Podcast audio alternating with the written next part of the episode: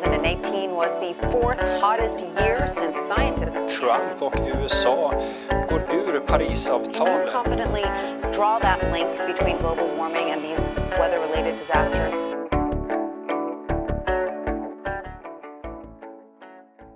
Varmt välkommen till ytterligare ett avsnitt av Planet och politik med mig Lorentz Tovatt. Idag ska vi ha det stora havsavsnittet och jag är väldigt glad över eh, veckans gäst. Det är Isabella Lövin. Hon började ju hela sin, eh, sitt engagemang för miljön eh, med havsfrågorna. Hon ska presentera sig själv mycket mer i, i själva avsnittet. Men för de som inte vet det så är hon ju också språkrör för Miljöpartiet. Bra, då kör vi igång.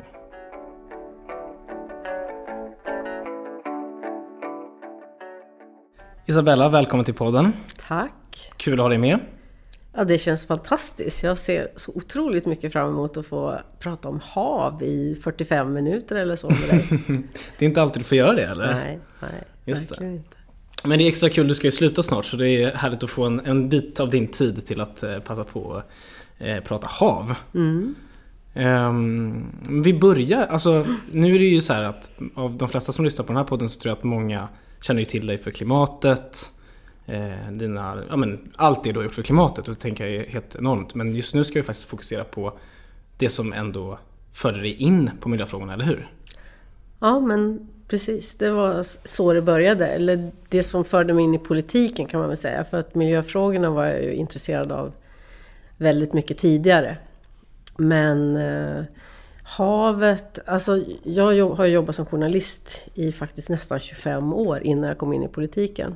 Bland annat radioproducent. Eh, Ja, ja. ja, så, du jag har- känner, det känns... ha eh, ett och annat att säga om podden förhoppningsvis sen. Ja, men jag, jag är lite sugen faktiskt, för på min tid var det ju betydligt svårare och dyrare med tekniken än vad det är idag. Så att, eh, Du kanske blir min nya sidekick när... Jag kanske startar en ny podd, vem vet? Det har inte jag tänkt på. Men eh, ja, det skulle kunna vara något. Ja. Men ja, nej men jag var ju journalist som sagt var och eh, försökte smyga in det här med miljöfrågor så, så gott jag kunde i mitt jobb. Och det var ju inte helt lätt. Som miljöintresset har ju inte varit, absolut inte så hett eh, under lång, lång tid. Men det var faktiskt så att när Miljöpartiet förhandlade med Socialdemokraterna i början på 2000-talet, 2002, och eh, då också helt plötsligt hade fått in en jättestor vinst om att man skulle stoppa torskfisket i Östersjön eh, för att stödja den socialdemokratiska regeringen. Då kom det lite grann som en eh, överraskning för mig att det var så illa med torsken i Östersjön. Och att det var så illa så att liksom det, forskarna sa, bekräftade att ja, det är så illa så att man behöver stoppa eh, torskfisket. Och då var jag vid den tiden lite tillfälligt inlånad på tidningen Allt om mat där jag tänkte att eh, här har jag chansen att skriva någonting om eh, torsken och hur, hur illa är det egentligen? Och det var en, verkligen en chockartad upplevelse för mig. För att jag tänkte så här, när det här dök upp så ut, ut, ut ur det blå på något sätt. Att det ändå skulle vara så att det fanns lite olika meningar om hur illa det var med torsken. Man kunde prata med en forskare som sa att det inte var så farligt och en annan som sa att det var farligt. Ungefär som med klimatfrågan var på den tiden. Men eh, så var det ju inte. Det här var riktigt, riktigt illa och då lärde jag mig också hur, hur det har gått med torskbeståndet som var jordens största eh, utanför Kanadas östkust i början på 90-talet där det största torskbeståndet på jorden kollapsade efter ett år, årtionden utav överfiske. Och torsken i Östersjön var på väg åt samma håll.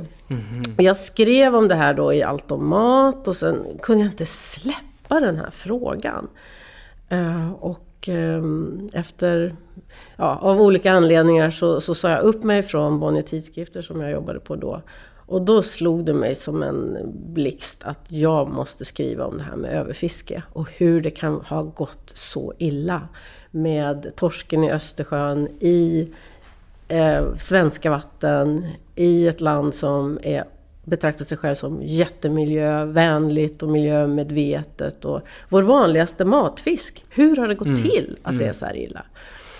Och eh, det blev ju då boken Tyst hav. Mm. Som eh, sen eh, blev mot alla odds en väldigt prisbelönt och uppmärksammad bok. Och När kom den? När släpptes den? 2007. Jag fick ju Stora Journalistpriset för den. Jag fick också, ja, jag fick jättemånga olika, alltså 15 olika priser för den där boken. Eh, Grävande Journalisters pris och Miljöjournalisternas pris. Eh, gastro, alltså det var allt ifrån eh, matskribenter till eh, sportfiskare och andra. Alla tyckte liksom att det här äntligen är någon som visar på hur illa det är och hur det hänger ihop med just ointresset från politiken att mm. göra någonting åt det här. Mm. Men vad intressant att det var från att det var, du fick upp ögonen på grund av Miljöpartiet ja. från början. Ja. Det, det, känns nästan som att man är lite ärad här. Ja, här, man, ja men vad kul. Ja. Ja, men och det, det var ju också när jag sen gjorde research för boken och jag pratade med olika forskare på Fiskeriverket, det hette det ju på den tiden. Um, och, och, och, jag försökte liksom förstå, men om, om ni har, sitter på all den här datan, och det var ju inte bara torsken, det var ju också, det är ju massor med andra arter, det är vittling, det är kolja, det är havskatt, Ål. det är ålen. Och, eh, och alla är i Erbalm i ett dåligt skick och inte bara i Östersjön utan ännu värre i Västerhavet längs västkusten. Och då frågar jag liksom, men hur, hur har det kunnat, hur, hur, kan man, hur kan det bara få bli så här?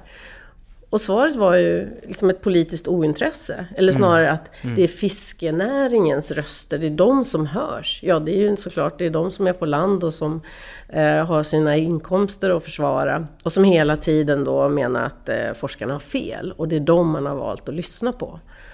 Alldeles för länge. Påminner ju väldigt mycket om andra lobbyintressen. Alltså allt från cigaretter till mm. oljeindustrin som har förvillat kring forskningen i alla, mm. alla år. Mm. Ja, nej men, och, det, och det, det fick ju också upp mina ögon för alltså, vikten av att politiken lyssnar på forskningen och att det finns någon som företräder ja, men fisken i havet eller naturen. Den som inte har ett, ett egenintresse eller som inte liksom kan företrädas i politiken. Där tror jag Miljöpartiet hade ju då eh, valaffischer som var så här Eh, torsken i Östersjön har ingen röst, men det har du. Ja, just det. Jag kommer ihåg det. Ja, ja det, ja, mm. det tycker jag är så fint. Alltså, det är ju verkligen, det är ju mm. så. Uh, och hur var det sen? För att sen var det så att, var det så att du blev kontaktad av Peter Eriksson, vårt dåvarande språkrör?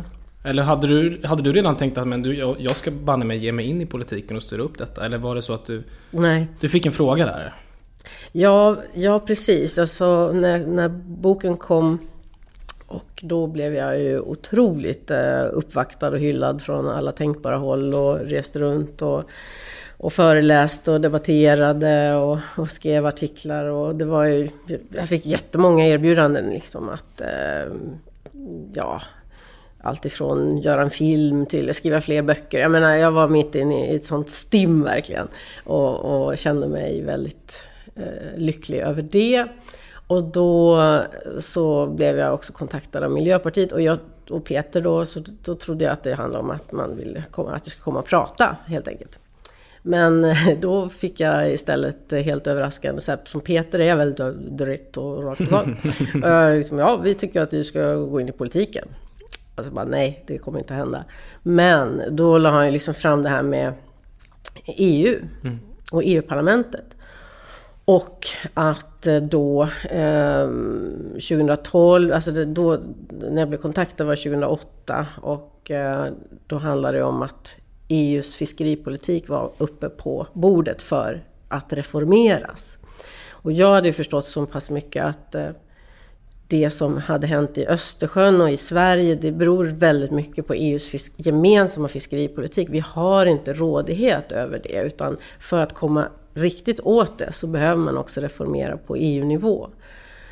Så när jag började fundera över det, dels att jag hade själva engagemanget och kunskapen plus att jag har en väldigt stark ideologisk övertygelse kring demokrati. Där jag tycker att man, alla måste ändå ta ett ansvar för att vi ska ha ett demokratiskt samhälle. Då kan man inte bara överlåta åt liksom, de här som har gått in i ett ungdomsförbund och gör hela karriären från början och bara jobbar med politik. Att det göra låter som att det. du beskriver mig här nu. jag skojar, jag skojar. Ja men Lorenz, ja. Det behövs, det behövs de också. Men jag tycker att man kan ha en härlig blandning. Ja. Verkligen. Och ehm, ja, det, är- behövs en, det behövs en bland. För jag tycker verkligen också Ja. att det är viktigt med de som, som, som vet hur en slipsten ska dras. Men det får inte bara vara så. Utan jag Nej, tycker också 100% att... med dig. Ja. Och det är ju extra viktigt nu tänker jag, jag menar, i dessa USA-tider.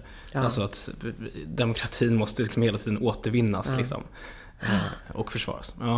Nej men och jag tyckte, eh, liksom, jag minns när eh, Jerzy Sarnecki, när cancerläkaren gick in i KD, jag tyckte det var så himla bra. När Marit Paulsen gick in i, i folk, dåvarande Folkpartiet tyckte jag också det är bra liksom, folk kommer in utifrån. Och så fick jag själv den här frågan. Och, och, och, och då ska man ju ha med sig, den som är journalist och som vet hur, hur, hur det är och hur viktigt det är att vara opartisk och inte kunna bli anklagad för att, för att driva en dold agenda.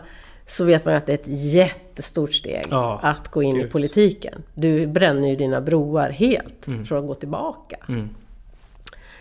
Så det var verkligen inte ett lätt eh, beslut. Och jag sa nej flera gånger och sen råkade jag säga ja.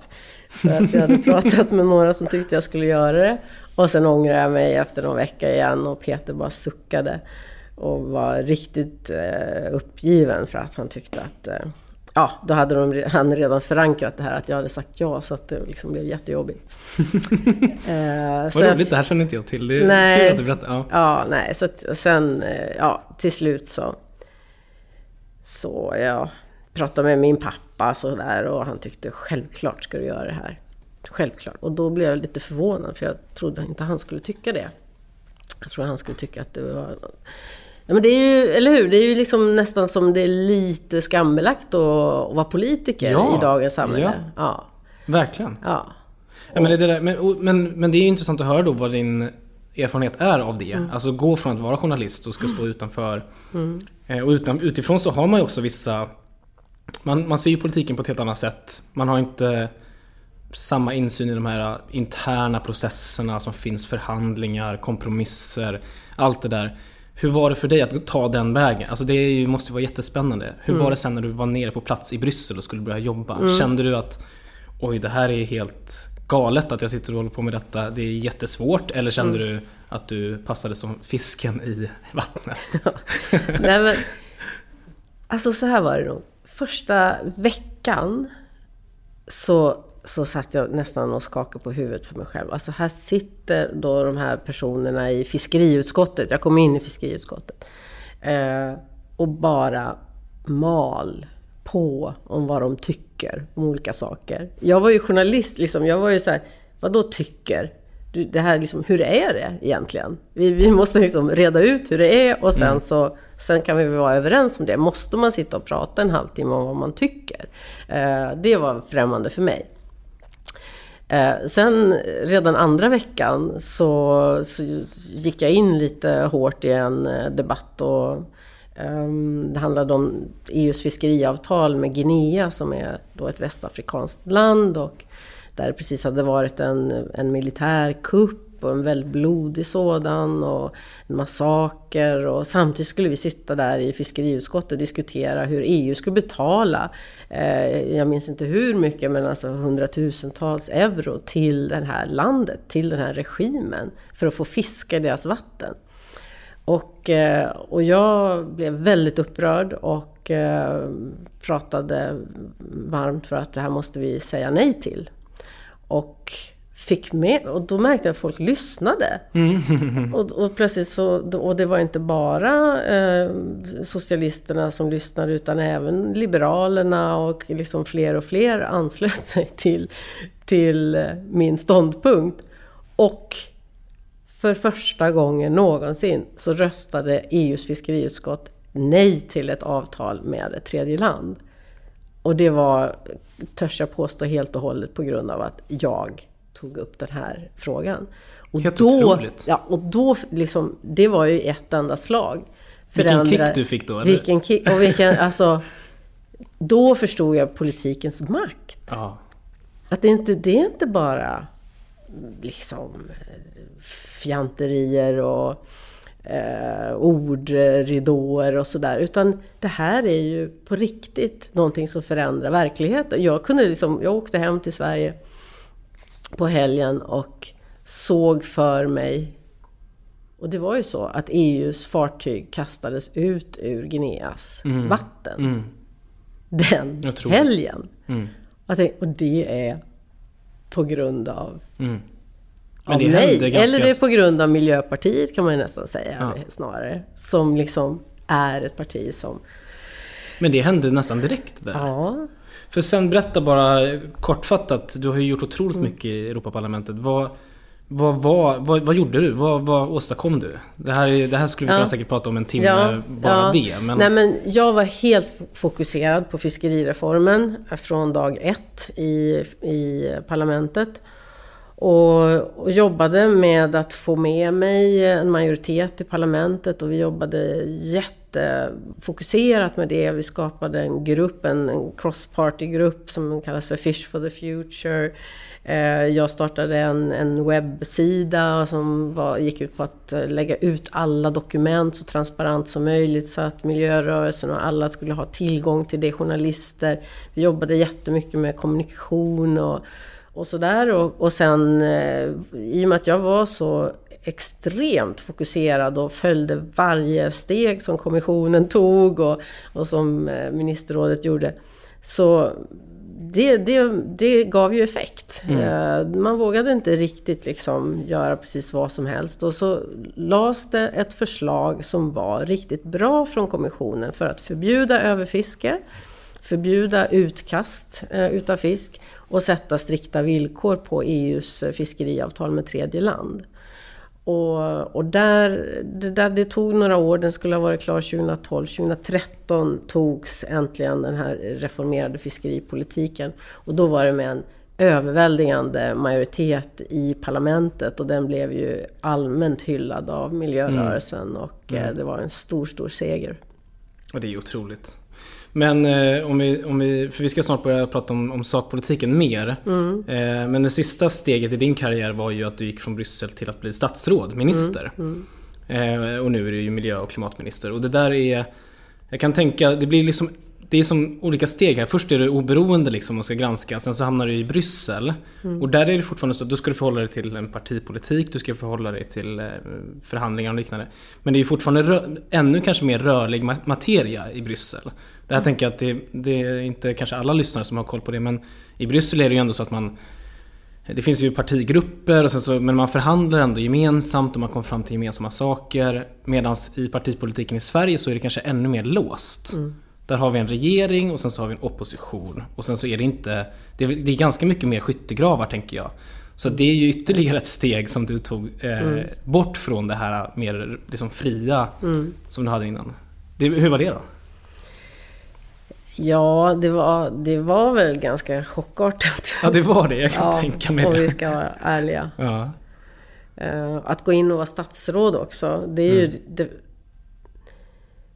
ja, det första som händer är ju i princip att man, man får en, eh, en liten en sittning med rättschefen och att man förstår att nu företräder jag Sverige. Mm. Nu företräder jag inte liksom mig själv eller Miljöpartiet i första hand utan som minister så företräder, för- företräder man ju Sverige. Och det är liksom, det är klart att det är en... eh, Det är väldigt eh, annorlunda.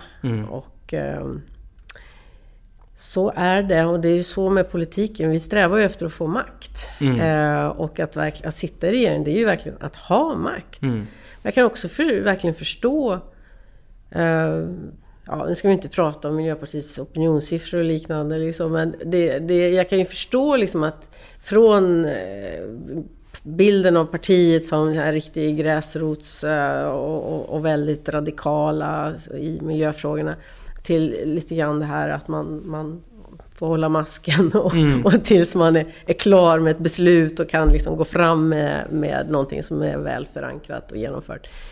Alltså det är en helt annan bild. Mm. Men herregud vad vi har jobbat alltså Mm. i regering och fått igenom så otroligt mycket. Och vilken plattform! Mm. Och sen hade jag ju havsfrågan med mig. Ja men exakt, för jag Ja. tänkte komma till det just att det, eh, du har ju gjort väldigt mycket på klimat som jag var inne Mm. på men, eh, och miljö liksom i övrigt. Men en av de sakerna som du har gjort som statsråd det är ju att liksom sätta Sverige på den globala kartan för havets skull. Mm. För du tog initiativ till världens första eh, FN toppmöte kan man säga om havet, eller hur? Tillsammans med Fiji. Berätta kort om det. Liksom. Vad, vad var det som... Vad var det? Ja, nej men det, det var ju... För det har inte varit så stort i Sverige ännu. Nej. Det, är som- det fick aldrig liksom ett genomslag. i- Men det var ju enormt. Ja, det men var- berätta. ja. Ja. Ehm, såklart så har det varit FN-möten kring havsrättskonventionen och, så, och liknande. Men det här var ju den första stora konferensen som behandlar ehm, alla de delarna som finns, med problemen som finns med haven, som eh, finns i Agenda 2030 och som handlar om klimatförändringar, överfiske, plast i haven, eh, också utvecklingsländers rätt och, möjlighet att utnyttja resursen.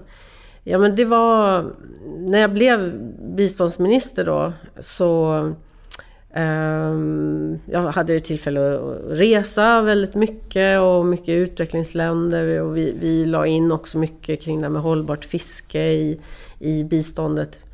Eh, och sen så träffade jag ehm, eh, Fijis ehm, ambassadör i, i New York.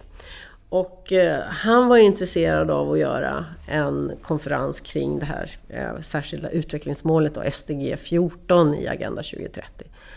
Och, Som handlar om haven. som handlar om Ja. haven. Och då tyckte jag att det var en jättebra idé. Eh, och eh, så, till slut så, så fick vi igenom det. Det här är ju en jättestor grej. Man måste ta en, liksom en resolution i FNs generalförsamling och få med sig alla världens länder på det. Sen hade vi då en veckas eh, konferens i New York. Eh, 2000, ja, när det nu var. Sjut- 17, va? exakt. Ja. Ja, precis. Och eh, det var, jag tror, 8000 delegater. Och Eh, vi gjorde lite grann som eh, Parisavtalet, att länderna får komma in med frivilliga åtaganden, över tusen frivilliga åtaganden. Eh, och, och jag satt ju också ordförande för den här, ja, för konferensen flera dagar tillsammans med Fiji och FNs generalsekreterare. Och då, det, det var ju mäktigt. Och det var också det var fantastiskt för att det var också...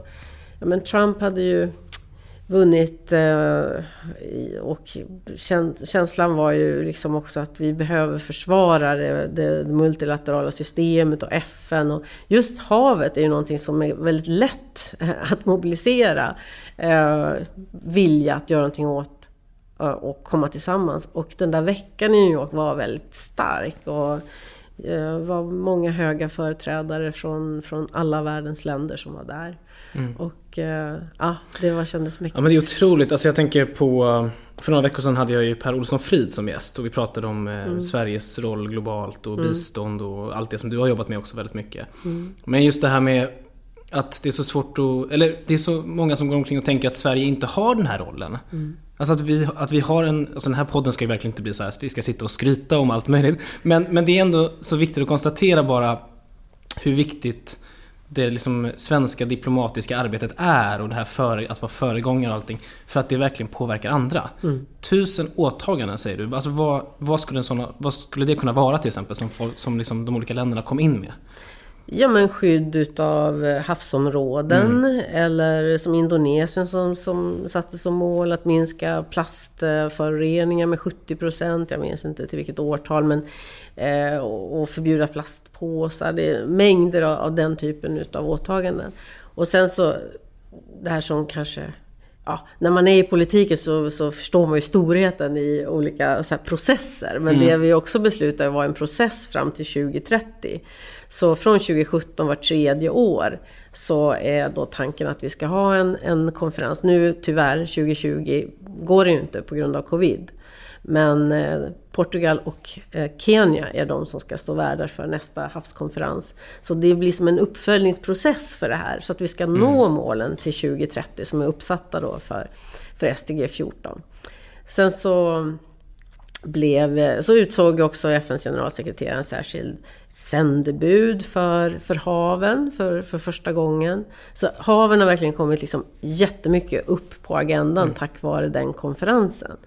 Och det, det kan jag känna, alltså om vi ska blicka tillbaka mm. så här, tio år bakåt i tiden när jag satt på Altomat och skrev om torsken.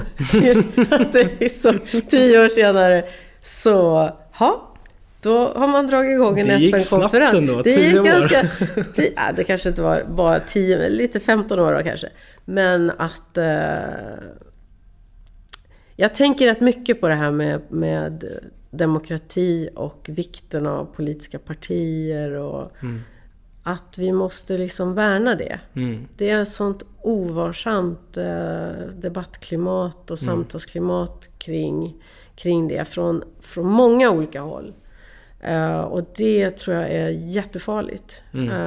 Uh, liksom man kan inte begära liksom allt eller inget av uh, inte ens ett miljöparti. Utan man måste liksom förstå att det här är sättet som vi kan agera både nationellt och lokalt och internationellt. Då, då, liksom, då behövs de här strukturerna som mm. man har lyckats bygga upp i form av demokratiska partier. Det, det är liksom, alla älskar, politi liksom, alla älskar demokrati men ingen älskar en politiker. Det är så lite... Nej, det är verkligen otroligt faktiskt.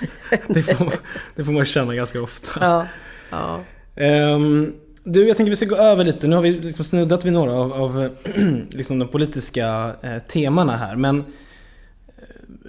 om vi, vi kan börja med så att jag känner mig trygg då, för det här är inte mina frågor. Mm. Men om vi kan börja med klimatet. Mm. Eh, sen ska vi prata liksom lite mer om plast och överfiske och sådär. Men eh, en av utmaningarna för havet just nu det är ju klimatförändringarna som sådana. Mm. Mm. Därför att de, liksom, de driver på förändringar i liksom, det marina systemet. Mm.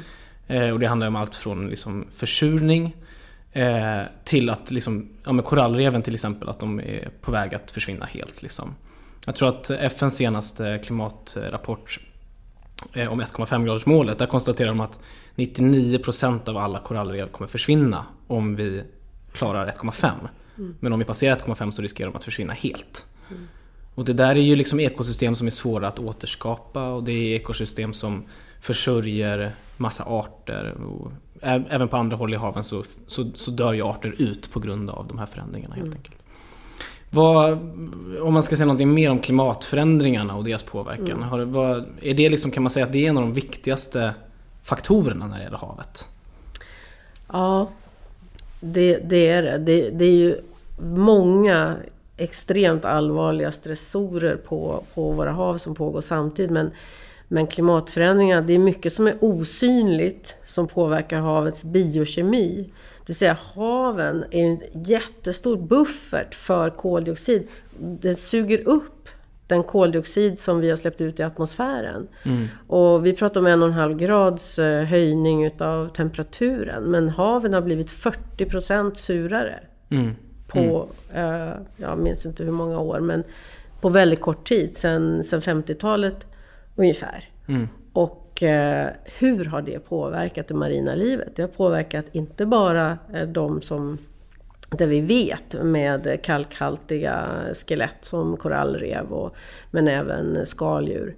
Sen så vet man väldigt lite, men det, det har ju gjorts till och med i, i Sverige, Kristineberg har jag sett eh, en forskare som, som har ett antal akvarier så här, där man kan se och där man då eh, ser med liksom en decimals skillnad i pH-värde hur eh, fiskyngel utvecklas. Och det är faktiskt skrämmande. Mm. Det är faktiskt skrämmande för att eh, bara om några årtionden när vi då kommer att ha eh, ytterligare någon decimal surare hav så är det arter av fiskar som vars yngel inte kommer att utvecklas på ett friskt sätt. Nej.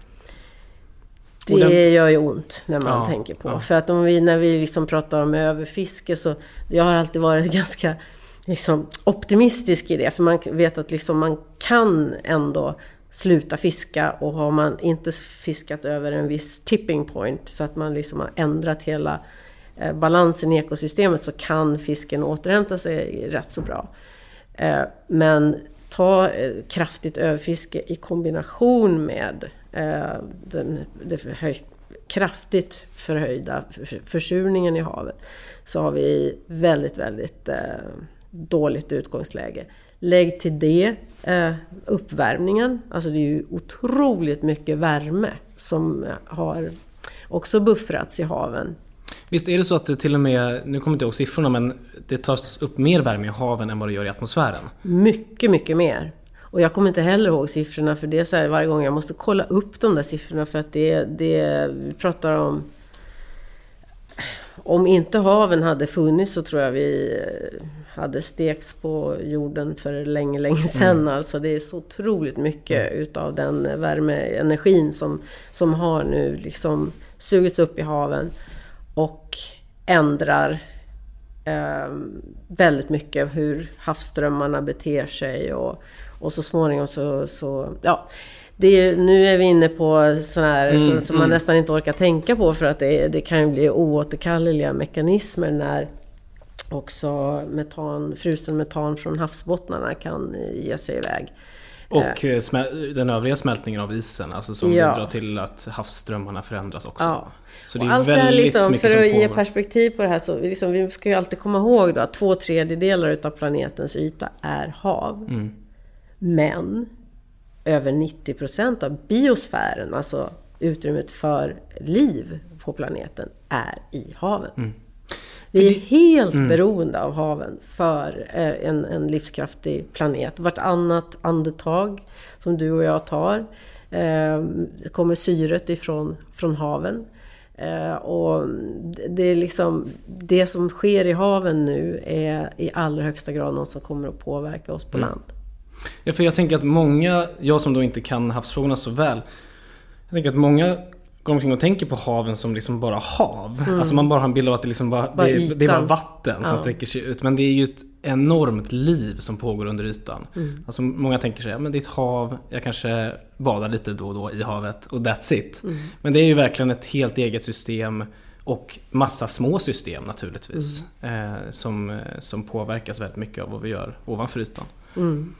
Nej men det är sant, det är så lätt att bara titta på den här glittrande blåa ytan och kände ja men det är ganska bra ändå. Och därför tycker jag ändå det finns någonting, hur hemskt det än kan låta, någonting positivt med, med den här plast, eh, plasten i havet.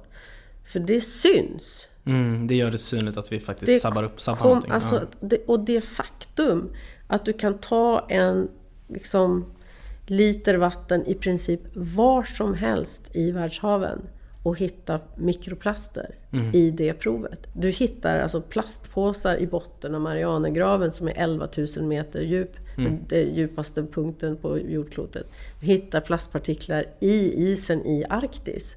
Det är precis överallt. Mm.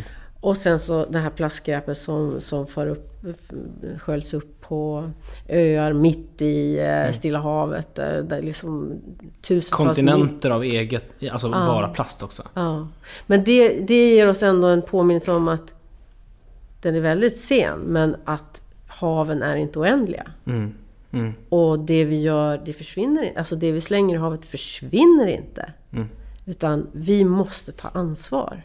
Men då kan vi gå in på just plasten tänker jag. Det är en mm. bra övergång för att du har varit inne på det nu, men och en sak som du brukar säga är att 2050, om vi inte gör förändringar nu, så kommer det vara mer plast än fisk i havet. Mm. Och det är ju bara, bara det gör ju att man liksom, jag orkar inte ta in det ens. Alltså jag, det är så fruktansvärt att tänka sig en sån mm. situation. Um, vad, till och med, var kommer all den här plasten ifrån? Som mm. hamnar i haven? Det är ju helt sjukt. Alltså man tänker att man är noga med att sopsortera hemma och så vidare, men ändå kommer det så mm. mycket plast ut i haven.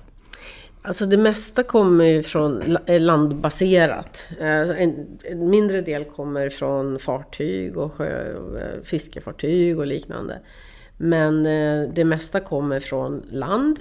Det kan komma från alltså, sjöar, vattendrag, diken och allt möjligt så att det spolas ut när det är, är, är skyfall. Sen är det ju väldigt mycket i dessvärre i fattigare länder då där, där skräp hamnar på soptippar i bästa fall. Eller, i, ha- eller vad säger jag, forsar som åker ut i älven och som... Ja, ja. och att det finns, finns ingen sophantering. Jag vet tyvärr, jag har sett med egna ögon i länder i Västafrika, man slänger, man slänger plasten, man slänger soporna i, ja, i havet. I, eller i vattendrag som kommer ut i havet. Så att vi behöver göra jättemycket, både för att stödja utvecklingsländer och sen måste det också finnas mycket mer kapacitet i, eh, ja, i, både i Sverige och i Europa och i rika länder att, eh, att ta hand om plast. Att vi har liksom ett cirkulärt eh, kretslopp med returplast som liksom inte överhuvudtaget ska ut ur de här systemen. Och minimera användningen utav plast. Eh, Och det är ju det är ett arbete som vi verkligen har dragit igång i, i Sverige. Eh, Precis, för man kan säga lite förenklat kanske man kan säga att det finns plast som är nästan omöjlig att cirkulera eller liksom återvinna på olika sätt. Eh, återanvända. Eh, och den typen av plast borde vi inte ha överhuvudtaget. mm, just det. Och sen finns det plast som man skulle kunna återanvända och återvinna och då måste vi ha igång eh, plastreturraffinaderier Mm. och den typen av, eller liksom tvinga producenterna att ta fram plast som helt enkelt går att återanvända och sådär. Absolut, och det är därför vi behöver ett globalt plastavtal. Ja, men det här är, Ja. berätta, vad, vad, Ja. vad betyder det då? Jo, nej men, och det driver ju Sverige eh, inom ramen för FNs miljöprogram UNEP. Att få med oss alla världens länder på att vi behöver ett eh, globalt avtal för plast och eh, för marint skräp. Och, och, eh, och det, handlar ju om att alla länder måste ha en lagstiftning på plats, att vi ska stödja det, men också att vi, vi ska se till att eh, eh, man har regler för helt enkelt vad, vilken typ av plast som ska komma ut på marknaden och, och, och hur det ska tas om hand.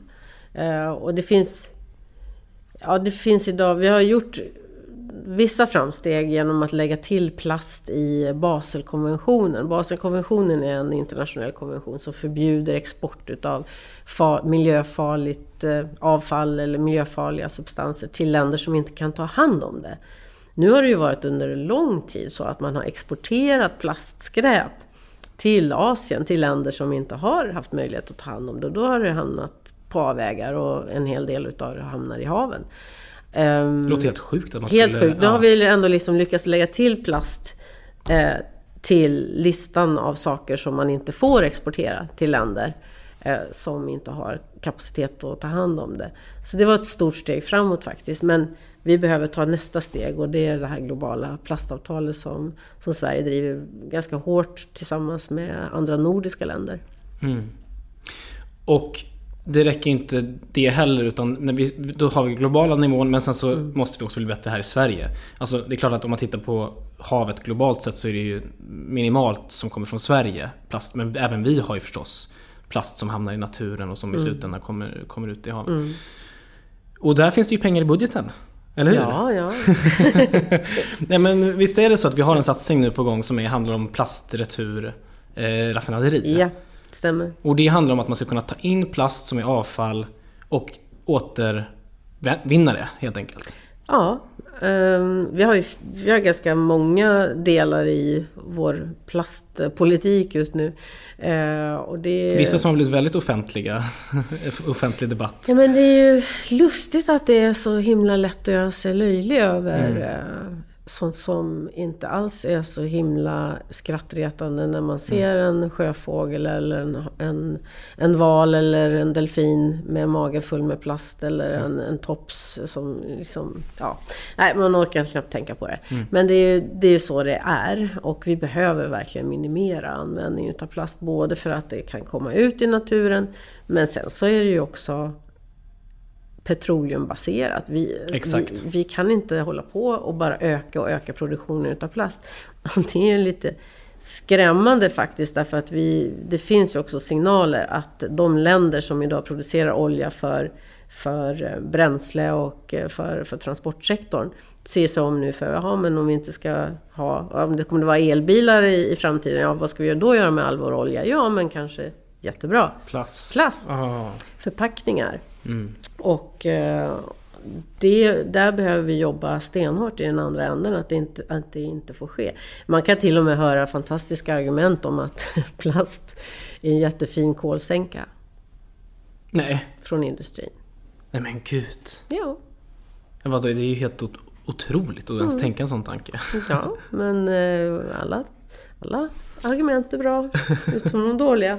Nej, men, så att det är klart det finns ja. superstora kommersiella intressen i att vi ska fortsätta pumpa ut hur många ton som mm. helst utav plast eh, liksom i sekunden. Och 8 miljoner ton per år hamnar i haven nu. Men precis som du sa, fortsätter den här ökningstakten, ja men då har vi mer plast än fisk i haven 2050. Mm. Och det, det får ju inte hända. Mm. Fan, vad deppigt det blev nu, Lorenz. Vi, ja, vi, ja, ja. Nej, men det är ju så här med haven. nej, men jag känner så här, det, det är mycket. Ja, alltså, det är, det är mycket. Det är det här med försurningen, det här med överfiske, det här mm. med plasten. Och så har men vi kemikalier på Ska vi ta lite, men vi har ju mm. snackat om några lösningar här nu. Global mm. Eh, plastavtal, eh, mm. Baselkonventionen, heter den så? Mm. Ja. Men eh, vi, ska, vi har två andra saker som jag ändå skulle vilja snudda vid. Och mm. Nu har vi pratat ganska mycket överfiske. Mm. Men om vi, ska, om vi då går bort från det, det, negativa och pratar om det positiva. Du har ju redan genomfört väldigt mycket. Men mm. det finns ju mer vi kan göra kring överfisket. Mm. Vad, vad, vad finns i pipeline där? Jag tänker på Östersjön och torsken till exempel. Nu måste jag få sucka. Uh, ja, okay. Nej men alltså det, det är så här. För den som har lyssnat på hela podden nu, som det jag berättade om i början. Så var det ju för sent för torsken utanför Kanadas kust, Newfoundland. När man väl stoppade fisket där, då var det redan för sent. Då hade torskbeståndet kollapsat. Och det som händer i ett ekosystem, marint ekosystem, när en art kollapsar, det är att en annan art kommer och tar över dess plats i ekosystemet. Så där var det ju då skaldjur som eh, helt enkelt, i och med att torsken inte längre käkade upp de små, små skaldjuren eh, när de var i mindre stadium, så är det skaldjuren som äter upp torskyngel och helt, helt har tagit över det ekosystemet. Eh, och i Östersjön då så har, trots den reformen som vi genomförde, som innebar då att nu håller man sig i, när man sätter kvoterna för nästa års fiske, så håller man sig i stort sett till eh, forskarnas rekommendationer. Men tyvärr, det som har hänt är att det, det, det här har kommit för sent. Så Oj, att torsken okay. i Östersjön är nog enligt de flestas bedömning har också kollapsat. Usch, jag orkar inte höra mer sådana här negativa nyheter. Nej, ja. nej, nej. Det är inte kul. Mm. Det, det var därför jag varnade att jag var tvungen att sucka först. För mm. då, det är också en annan väldigt tråkig eh, sak för mig att liksom jag, förra året så, så fick ju vi då driva igenom att eh, ett totalt torskfiskestopp i, mm. i Östersjön. Mm.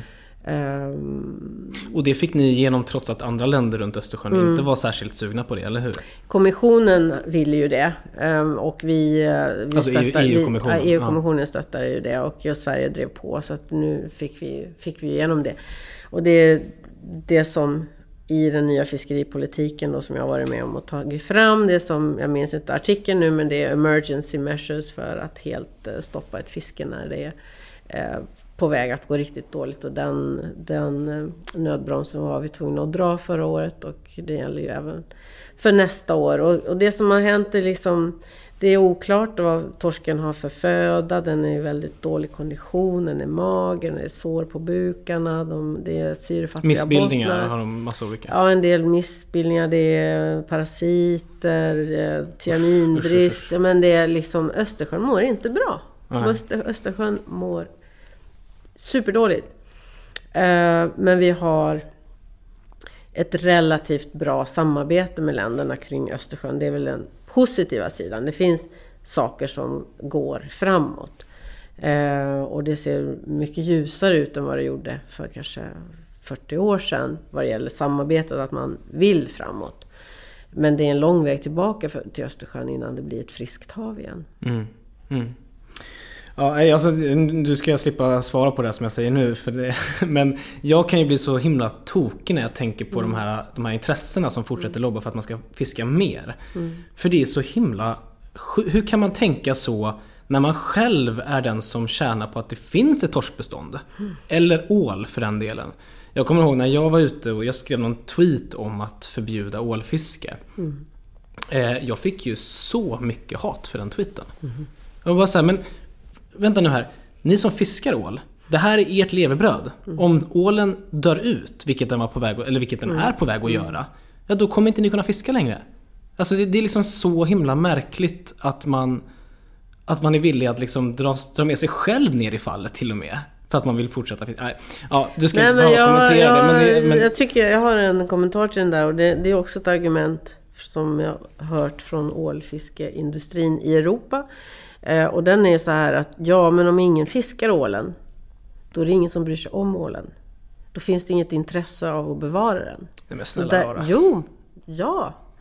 det, det är sant. Mycket ska man behöva höra. Ja, nu har du hört två hårresande argument från branscher som eh, på riktigt används. Och det, det ja. Och de tycker, och det, och det alla som har läst ålevangeliet vet ju också att liksom det finns jättedjupa kulturella rötter med det här med, med, med ålfiske. Och det, det är någonting som liksom berör väldigt på djupet då, de som har kanske ålfiskare i generationer i sin familj. Och de, det, de menar nog på allvar att det är så att om ingen fiskar ålen är det ingen som bryr sig om ålen. Mm, mm. Jag har ju försökt säga att man kan väl ha ålagille och såna här saker med, med, kanske med, eh, med strömming. Mm, mm, mm. Men det flyger inte. Jag tänkte precis fråga om du hade läst Ålevangeliet. Jag, Ja. har, inte, jag har inte gjort det ännu, men jag, Ja. jag vill verkligen göra det. Ja. Den ska ju vara fantastisk har jag förstått. Så det kan ju vara ett tips till alla som lyssnar. Mm. Eh, jo, men sista bara som vi ska hinna mm, prata lite om. Du pratade bland annat om att de här eh, åtagandena som kom in från de olika Mm. länderna. Att där fanns det eh, bland annat det här med att skydda hav. Mm. Eh, och det, jag kollade lite siffror och idag skyddas 7,5% av världens hav. Och det är för lite. Mm. Eh, då har man satt upp ett mål om 30% eller hur? Till 2030.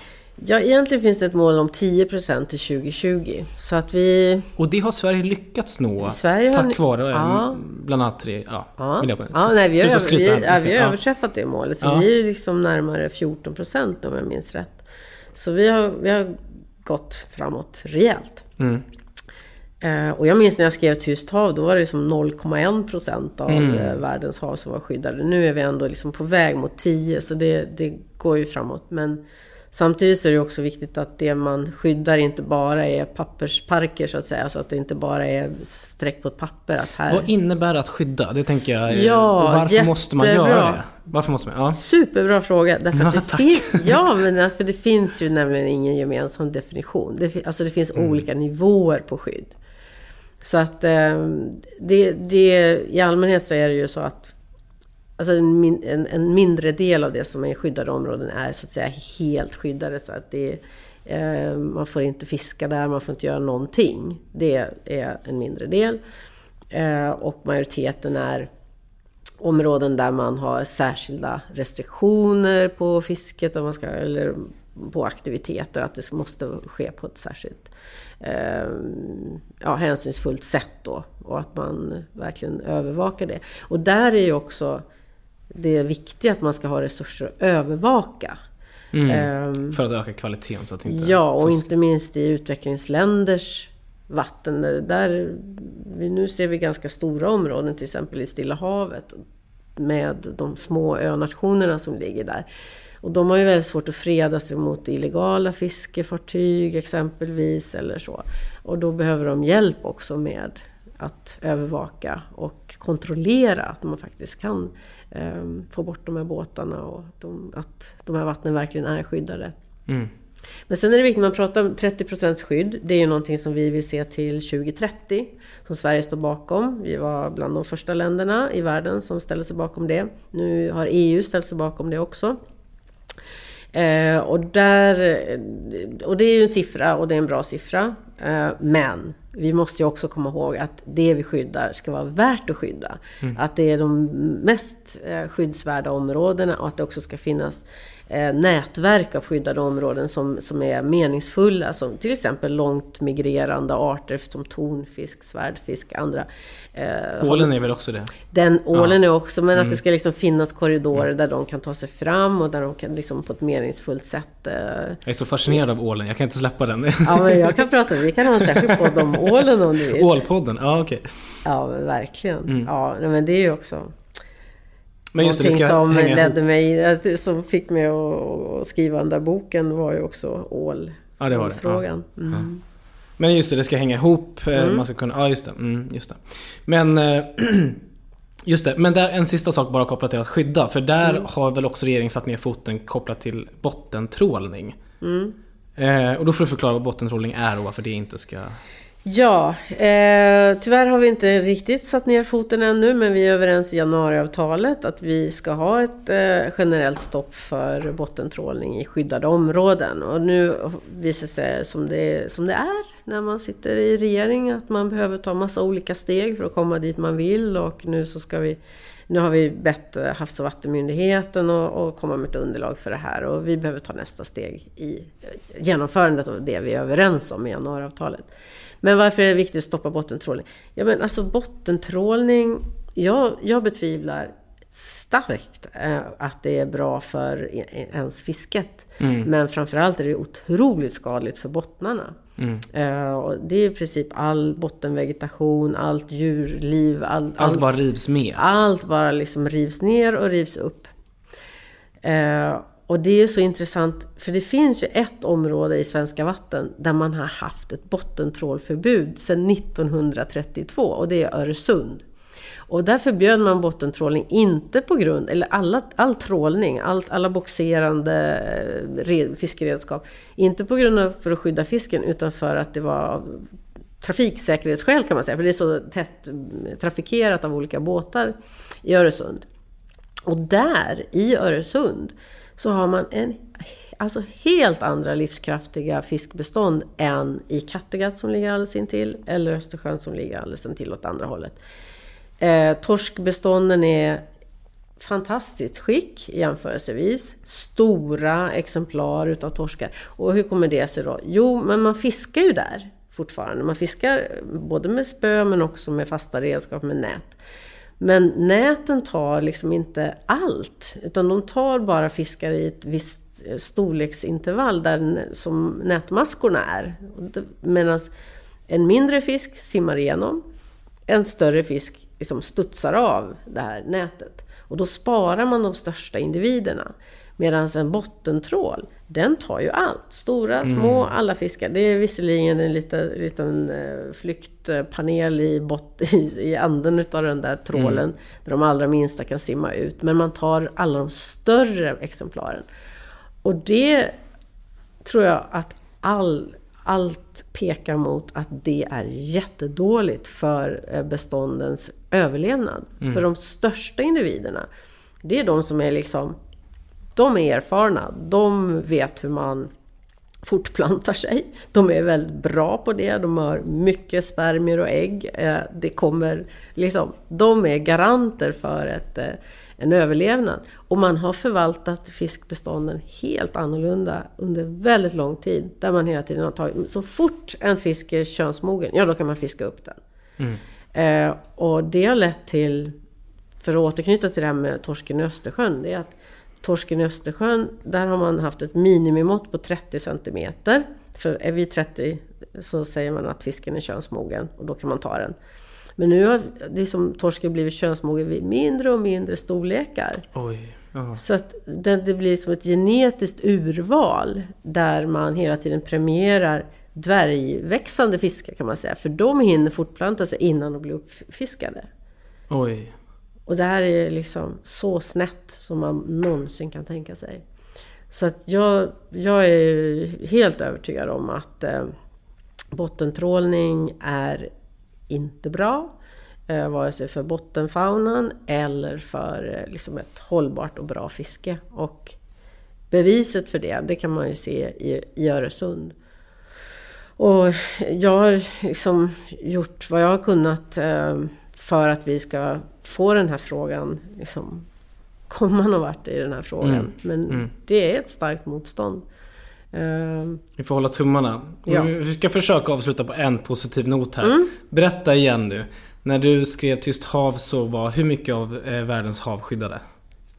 Jag tror 0,1 procent eller något Och nu är det nästan 10? Nu är det nästan 10. Okej, men det får väl ändå vara en hyfsat Ja. positiv Tack, avslutning. tack Lorentz. Tusen Nej, tack. men det är verkligen det är positivt. Och jag tycker också att det är positivt att havsfrågan har blivit mycket, mycket högre på agendan. Mm. Så att förhoppningsvis agerar vi också.